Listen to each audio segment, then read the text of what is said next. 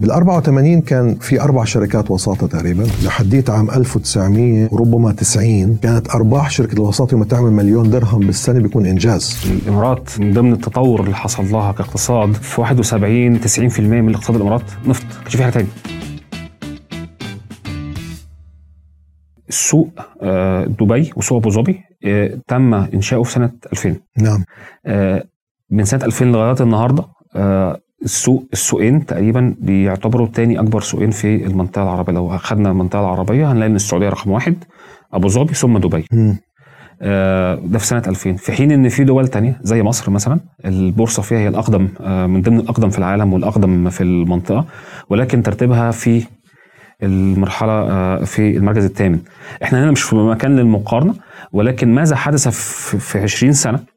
أو 22 سنة تقريبا. آه، إيه اللي حصل اللي يخلي هذا السوق من مجرد سوق صغير؟ آه، وحضرتك اتكلمت على فكرة إن كان محدش حتى مقتنع. ليه بعد 22 سنة النهارده؟ آه، بقى من الأسواق الكبيرة. ومش بس كده كمان ده في طموح إن الحكومة عندها خطة إن هي تدبل أو تضاعف حجم هذا هذا السوق سوق الأسهم اللي موجود في الإمارات. إيه اللي حصل؟ شوف يعني الأسواق المال قناعة كثير من الأفراد في المنطقة هون خاصة في الخليج بإنه سوق المال ضروري أو مهم كانت متفاوتة مش الكل لأنه كان في تجربة بالثمانينات على سوق المناخ بالكويت إذا بتتذكر سمعت. وفشل هذاك السوق كان في مستثمرين حتى إماراتيين موجودين وخليجيين وخسروا كثير فلوس هناك. فقال لك شو بدنا نعمل؟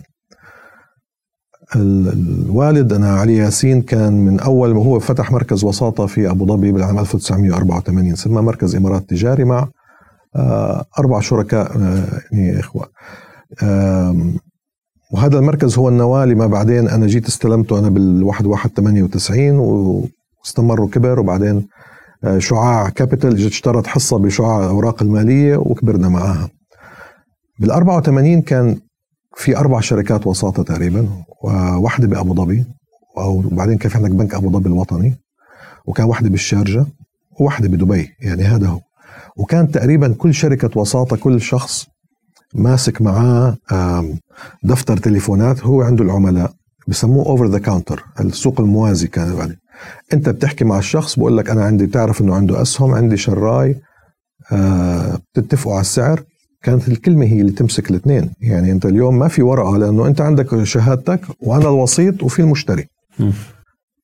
فيجي مثلا البيع المشتري يجي يقول أنا هي الشيك بحطه عند الوسيط وأنت تيجي عندك تعطيني أنا أشيك على الموضوع أو هذا أعطيك شيكك واعطيه شهادات ويروح حول. وهذا كان ماشي آه يعني لحديت عام 1900 وربما 90 كانت أرباح شركة الوساطة يوم تعمل مليون درهم بالسنة بيكون إنجاز. أنت اليوم تسمع قاعد على احجام تداولات بمئات الملايين. يوم فيوم اجى يوم اجى يحكوا على سوق مالي قال لك لشو بدنا السوق المالي؟ إحنا عن عندنا شيء ناجح ماشي هي السوق موازي ماشي. ليش إحنا بدنا سوق مالي؟ الفرق إنه أنت لما كنت أنت كنت بالسوق الموازي كان كل بروكر كل وسيط هو شركة وساطة منفصلة وعامل سوق لحاله. هو بحط سعر العرض والطلب. ما كان في عندك شفافية في رؤية السعر. لم في شيء بتفقده أنت إذا ما عندكش سوق مالي إنه قدرتك أنت كشركة مش كحكومة ولكن كشركة إنك ترفع راس يعني تحصل سيولة لتنميتك هي طريقتها إنك تروح تروح بيع تبيع جزء من الشركة بسوق مالي، إذا ما عندك سوق مالي كيف بدك تعمل هيك؟ ففي جزء مهم من عملية التنمية الاقتصادية، عملية تمويل النمو مش موجودة اليوم. يعني كان هنا بس نوضحها إن كانوا السماسرة آه. كانوا في جزر منعزلة. وكله سمسار معاه أربع خمس شركات. وبيقول لك والله دي سعرها كذا أنا هبيع بكذا. بالضبط وأنت هتشتري بكذا. وهو الوسيط ما بين الناس. بس هي جزر منعزلة. بالضبط آه، الحاج محمد هنا والحاج أحمد هنا. آه. وكل واحد في جزيرة. ومحدش عارف واحد السعر. بحط سعره مع إنه ممكن يكون نفس المنتج عنده. يعني نفس السهم عادي هنا والسهم. هنا. والسعر والسعر يكون مختلف. والسعر مختلف جدا. وفي نفس البلد في نفس المكان. وكانوا عندك الطريقة الوحيدة ال- اليوم المستثمر أو واحد بده يعرف شو شو الأسهم. في دائما بالجرايد. عندك جريدتين أو ثلاثة اتحاد خليج بيان. تبعت أنت سعرك عندك سمسار تبعت سعرك للجريدة كل يوم بالليل ثاني يوم يحطوه الصبح بالجريدة. فتلاقي مثلا مركز الإمارات سعر السهم إكس عنده مركز الشرهان بنك وتصير مفاوضات ما بين ال- الوسيط أول شيء وال- والبياع والشراي ليوصل لسعر يكون وفكرة إن أنا كشركة أو عايز أكبر آه، بيبقى محتاج آه، حد يمولني. عادة بروح للأهل الوالد اديني تمويل. ولكن في الحاله الكبيرة في الاقتصاد الحقيقي إن الشركات لما بتكون عايزة تكبر أو عايزة تمويل بتروح للسوق. عايزة تروح لسوق مركزي طبعا. موجود. بتقول لهم يا جماعة أنا والله شركه دي المنتجات اللي أنا ببيعها أو دي الخدمات اللي أنا بقدمها وده تقييمي. شاركوني فادوني فلوس آه، وخدوا مكانها ورقة تثبت إن أنت شريك معاه وهنشتغل في هذه المنتجات وفي هذه الخدمات. نعم. دي فكرة البورصة بشكلها البسيط. ففي هذا الوقت لغاية آخر التسعينات ما كانش موجود هذا الشكل إن لو شركة هنا عايزة تكبر أو عايزه تنمو نعم. تضطر تروح لجزر منعزله قد يكون الحاج أحمد ده السمسار عنده سيولة أقل من ده فبضطر إن أنا أروح لاكثر من مكان وبموضوع كان صعب إن أنا أقدر أجمع فلوس. طبعا. فبالتالي جت الفكرة إن يحصل تجميع أو يبقى في سوق مركزي موجود. هو السوق السوق المالي يعني زي بعض الأساسيات معروف شو فايدته بس أنا النقطة هون إنه أكثر إنه أنا كشركة اليوم أنا بدي أمول نموي. أنا كشركة اليوم رأس مالي 500 مليون محتاج 100 مليون. أنت إذا كنت بدك تمولها وين بدك تروح؟ أنت كنت إذا ما كان في سوق مالي. يا بدك تروح للبنك أول شيء تقترض منه والبنك ممكن يقرضك على سعر عالي ويطلب منك ضمانات. ويمكن هذه يعني بتعرف يوم البنك هذيك الأيام ما كانتش زي اليوم الاقتراض على خمسة وستة وسبعة كانوا على 15 و20 لأنه كانت اسعار الفائده أعلى. فبالتالي اليوم أنت ما في هامش ربح عندك أنت اليوم عشان تيجي تغطي. اثنين آه تيجي تقول بدي أعمل سندات برضه ما كان في عندك أنت corporate lending أو يكون عندك سندات للشركات في تلك الفترة لأنه ما في عندك أساسيات الشركة مش مدرجة. بس تصير أنت تطلع ميزانية عمومية. وتصير أنت تطلع آه، أرباح وخسائر وتصير عندك أنت مساهمين. أنت محتاج يكون عندك سعر موحد. هذا السعر الموحد ما بيجي إلا لما يكون عندك بورصة. فالبورصة اليوم كان هذا هو دورها بالأول. اثنين موضوع أنه أنا أضمن الصفقة. لأنه ممكن أنت اليوم أنت بياع وأنا شراي. نتفق أنا كوسيط أحكي معك. تصير معنا. يقول لك والله بطلت تحكي ثاني يوم وينه؟ مش موجود. ثالث يوم مش بطلت أبيع أو بطلت أشتري. انت بتصير ملتزم. هذا هذا ال breakdown أو انكسار ما بين برضه هذا بيؤدي إلى المصداقية تنهز. البورصة بتمنع هذا لأنه صارت خلص أنت عندك أس... أنا أسهمك موجودة عندي وأنت الفلوس موجودة عند البروكر أو بتحطها. إذا تمت الصفقة على الشاشة ضمن تحولت الملكية. مش محتاج تيجي وتوقع لي ونروح عند الشركة. فكتير عالجت وسهلت أمور مهمة وضرورية كانت. وما كنا نستطيع أن نصل إلى هذا الحجم من الاقتصاد بدون وجود سوق مالي. بتذكر إحنا أول من يعني كنا نروح نداوم آه كنا نروح نداوم بالمكاتب نستنى إذا يجينا تليفون واحد أو نلاقي لنا واحد عميل نقعد نركض عليه زي ما أنت زمان إذا كنت تعرف تلاقي السوق يدخل واحد عميل الكل بده هذه مكاتب الوساطة حواليه كده داخل السوق آه. واحد يدخل مرات يدخل واحد يكون بالغلط مثلا واحد داخل قاعد بده يريح يتفرج على شاشة بس الصراحة آه إحنا بدينا بفترة كان في عندنا فترة تراجع بالسوق. ال 2000 كان عندنا إحنا كان طفرة بال 98 كانت OTC قبل السوق وعندنا تراجع. والسواق عندنا بالإمارات تقريبا كل سبع سنين خمسة لسبع سنين بصير عندك هاي الدورة. بيجيك عندك top وبعدين بيجيك تراجع. ف 2000 كانت قد bottom تقريبا على كنا بنقطه الدنيا. بدينا بال 2001 مش كل الشركات كانت قابلة تدرج بالسوق. يعني حتى السوق كان اليوم أمامه مسؤولية إنه يقنع الشركات المساهمة تعالي ادرجي عندي. عبين ما بدأت الشركات تدرج. على 2002 بقدر أقول لك بدينا نشوف إن شوية الناس تقبل تيجي تعطيك أسهم وما بتعطيك كل أسهم بتعطيك جزء من أسهمها. ما أنت إذا ما أعطاك هو السهم تحطه بالمقاصة ما عندك شيء تتداوله. 2002 بدينا وبدأت الدورة الاقتصادية بدينا في دورة اقتصادية إيجابية بالاقتصاد بدينا بالتعافي. وجينا بال فيها يمكن يوم ما تداولنا بمليون بمليون درهم هذه وزعوا الباتشي على الجماعة. على 2003 لا صار في عندك تسارع صار في عندك نمو بالقطاع الاقتصادي عندك الشركات الكبيرة زي إعمار آه زي اتصالات واحة أبو ظبي إسلامي هاي كلها شركات كانت دبي إسلامي موجودة بدأت صار في تفاعل أكثر صارت الناس تحس المستثمر إنه عم بيقدر يحقق فلوس بعملية التداول. زمان كان مين اللي عنده الأسهم؟ كان اللي عنده الأسهم الكبار مخبينها بالخزنة عشان تطولها وتعملها it's difficult لقينا أنه بدأت اعمار المستثمرين صاروا الناس يقولوا طب اللي عمره 30 و40 سنة عنده 100 ألف مثلا زايدة يقول أجي أجرب حالي. صار يعمل. صارت ال word of mouth تحكي الناس إنه والله أنا اليوم عملت كذا بالسوق. هذا أقوى من أي دعاية أنت بتعملها اليوم promotion على 2004 زادت حجم التداولات بدأ المستثمر الأجنبي ينظر إلينا كسوق ممكن الاستثمار فيه لسه 2004 2005 بهديك الفترة آه بتذكر كان في صار بدأت الضغط يجينا وبدأ عندنا إصدارات أولية نشاط. وصلنا لمرحلة أنه عشان آه عدد الوسطاء محدود مش كل الشركات بدها تفتح لأنه مصروف الناس يطلع مصروف ما يطلعوا المردود. سوق دبي المالي صار يعمل دعاية بالجريدة كل شهر حجم التداولات هالقد. إيرادات الوسطاء هالقد عشان يخلي الناس يفرجيهم شو الاوبورتونيتي فجأة صار في عندك تدفق من شركات الناس بدها تفتح شركات وساطة بدها تفتح. صار اللي عنده شركة زمان واللي ما عندوش بده يعمل شركة وساطة. خلقت حركة أو تداولات في السوق. بدأنا أنا أعتقد بالآخر 2000 ب 2004 نتحدث عن حجم تداول بسوق مالي معقول يعكس ربما الفري فلوت كمية الأسهم المتوفرة للتداول غير حصة الحكومة. ولكن كنا لسه عن مستويات منخفضة. 2005 صارت عندنا طفرة كبيرة. آه، أرباح شركات آه، ارتفعت. صار عندنا أرقام أسهم تطلع. وبدأ دخول استثمار أجنبي. كان في عندنا محافظ محلية تأسست للمضاربة والاستثمار صارت هي برضه تحط فلوس. صار عندنا محافظ خليجية بدها تستثمر. صارت عندك حركة إيجابية بالسوق. 2006 هدي السوق شوي. 2007 صارت الطفرة الكبيرة اللي شفنا 2008 بعدين اجت الأزمة العالمية. هناك صار في انكسار في في في لكثير من المستثمرين انكسار لبعض الشركات. دائما يوم يصير عندك أنت نمو بسرعة بصير في عندك ثغرات بتكون تخلق بعض التجاوزات. آه. 2008 صرنا مع الأزمة العالمية السوق نزل قال لك خلص راح السوق مش حيوقف.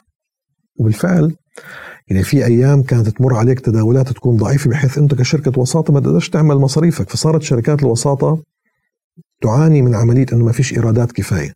صارت تسكر. إحنا وصلنا لا يمكن 60 شركة وساطة إحنا مسجلة في مرحلة واحدة. على سوق كان يعتبر حجم التداولات ما كانش يعتبر آم آه كبير. في في دول تانية مثل الكويت 12 وسيط لليوم. إذا بدك تفتح شركة وساطة ترخيص ما بيعطوك. ففي عندك صارت آه نمو كبير. صار عندك عملية تقليص. ومن ثم رجعنا عملية بناء آه المرحلة الثانية خليني أسميها من نمو الأسواق المالية. صارت عندك خبرة أنت اليوم لأنه أكثر شيء بيعلم المستثمر. كيف ينجح؟ أنه يوم ما يفشل ويتعلم من الفشل ويمشي. أنت اليوم إحنا بدينا صغار صار عندنا هبة كبيرة للسوق صار عندك تراجع السوق لعدة أسباب منها ولكن طبيعة الدورة الاقتصادية. تعلمنا فكنا إحنا بدينا عن مستوى أحسن يوم ما بدأت الدورة الثانية يوم ما إجت. الدورة الثانية قعدنا من 2008 2009 ل 2000 ربما 12 13 13 بدأ السوق يرجع رجعت عندنا حركة إيجابية ثانية صرنا نشوف أرقام أكبر. طبعا مع نمو الناتج المحلي دولة الإمارات صار حجم التداولات أيضا ينمو يواكب مثل هذا النمو. صار عندنا شركات بكل مرحلة دائما بس بس يكون عندك أنت فورة أسواق مالية لازم يكون في عندك فورة إصدارات أولية كمان. لأنه اليوم إذا أنت اليوم ما مش عم بتزيد المنتج اللي هو الشركة المدرجة بالسوق أنت مش عم تعطي الدافع للمستثمر يجي عندك يحط شيء ثاني لأنه اليوم لو جيت أنت اليوم مع إذا الله نفس الشركات بقول لك بتقول لي شو أجي أشتري اليوم؟ بتقول لك والله مثلا إعمار سهم منيح. بتقول لي أنا عندي إعمار. بتقول له أبو ظبي الإسلامي. بقول لك أنا عندي أبو ظبي الإسلامي. لازم تجيب الشركة الثانية لازم تجيب آم آم قطاع جديد. مش يكون بس بنوك وتأمين واتصالات. وبالتالي هذا التنويع بدأ يصير 2014 فورة ثانية صارت. وبعدين صار عندنا كراش بال 2000 وآخر 14 15 قعدنا تقريبا للعشرين صار آه، كانت عندك الأسواق عندك في عملية تباطؤ ودائما بالتباطؤ بتصير عملية التصليح اللي بنشوفها. وأنا بعتقد 2020 القرارات يوم ما صارت الحكومة أخذت قرارات محورية في أنه السوق المالي يجب أن يعكس قوة الاقتصاد. أصبح السوق المالي وأداؤه خلينا نسموه KPIs واحد من ال KPIs للحكومة اليوم على إنه كيف أداء الاقتصاد. معدلات الأداء. أداء لازم تكون جزء منها نشوفها صارت سواء عند وزير الاقتصاد أو سواء عند آه الهيئة أو بحيث إنه لازم أشوف هذا يكون للنمو وليش ما في نمو. هذا أنا برأيي قلب المعادلة وخلانا إحنا نشوف عملية الفورة. صار إعادة تنظيم للقطاع الخاص صار عندنا عملية القطاع العام أيضا تم ضمه تحت كتلة واحدة وصارت عملية وين التوافق ما بين القطاع العام والقطاع الخاص؟ إذا في توافق من ناحية الأعمال دمج هاي الشركات وبالتالي إدراجها في السوق وبالتالي خلق قيمة المضافة اللي كنا حكينا عنها بالأول في عملية إنه هاي صار لها قيمة هاي الاسد صارت موجودات الحكومة لها قيمة موجودة تستطيع اليوم إما أن تبرر قوة أداء هذا الاقتصاد أو هذه الحكومة أو تستعملها لتمويل عمليات نمو مستقبلية في هذا القطاع وقطاعات أخرى حضرتك يعني معنى كده آه، إحنا لو اتكلمنا عن الموضوع ده هنلاقي إن آه، الإمارات من ضمن التطور اللي حصل لها كاقتصاد آه، في 71 كان 90% من اقتصاد الإمارات نفط. كانش في حاجة تاني. نعم. النهارده إحنا بنتكلم إن الإمارات عملت تنويع خلال السنين دي كلها أه وحضرتك تحكي لنا عنها يعني إن إزاي قدر ينزل من 90% لأقل من 30% و... والإمارات عايزة كمان تحتفل قيادات تحتفل في المستقبل بتصدير آخر نفط آخر برميل نفط في المستقبل. آه، إحنا النهارده بنتكلم إن قطاع التجارة هو القطاع الأكبر، قطاع الخدمات هو القطاع الأكبر برضه طبعا. في, في الإمارات. وأصبح إن قطاع النفط 30 في أقل من 30% من الاقتصاد. يعني إحنا لو عندنا 100 دولار 30 دولار جاية من النفط ومنتجاته والباقي من قطاعات تانية متوزعة. آه، ده ليه؟ لأن في دول مثلا النهارده آه، حتى في الخليج آه، الميزانية كلها بتاعت الدولة مبنية على سعر النفط مبنية على بيع البترول. لو البترول سعره قل أو النفط سعره قل أنت في مشكلة عشان أنت عندك عايز تأكل وتشرب وتعمل بنية تحتية صح. وتصرف. المعجزة اللي عملتها الإمارات ديت آه، كخطوة استباقة حضرتك اتكلمت عنها في في السنين دي كلها برضو انعكست على آه، السوق. فهل برضو هناك الخطة إن زي ما حضرتك قلت إن السوق يعكس التنويع اللي حصل هنا؟ نعم. هذا هذا ضروري وهذا اللي أعتقد بدأنا نراه في نوعية الشركات اللي عم تيجي على السوق.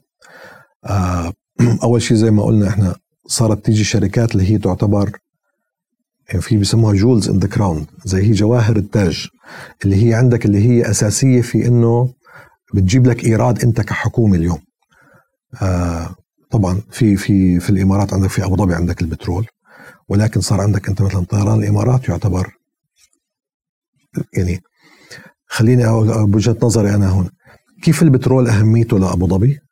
السياحة هو البترول لدبي لأنه أنت اليوم شغلت في هذا القطاع يوم أنت عملت السياحة أكثر قطاع بيشغل آه، عمالة بيشغل ناس بشر هو قطاع الخدمات.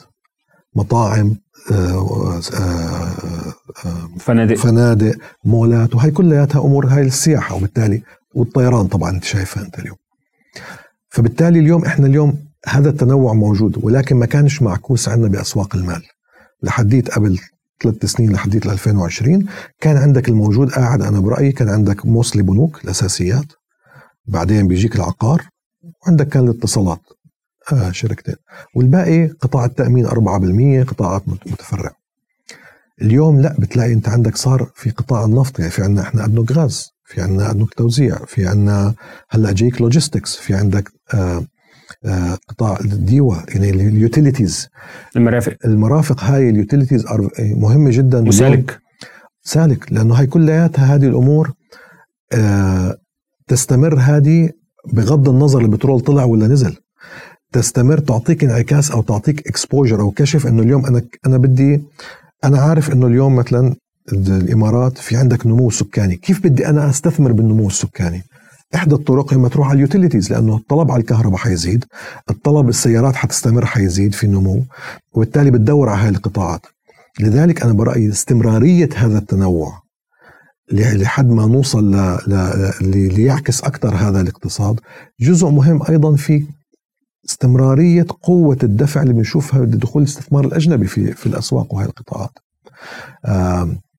فأنا برأيي إنه اليوم هذه مش يعني وجهة النظر هاي ما غابت عن عن القيادة وبشوفوها وأعتقد هم في انتقائية في عملية الوقت عم بتصير موجودة.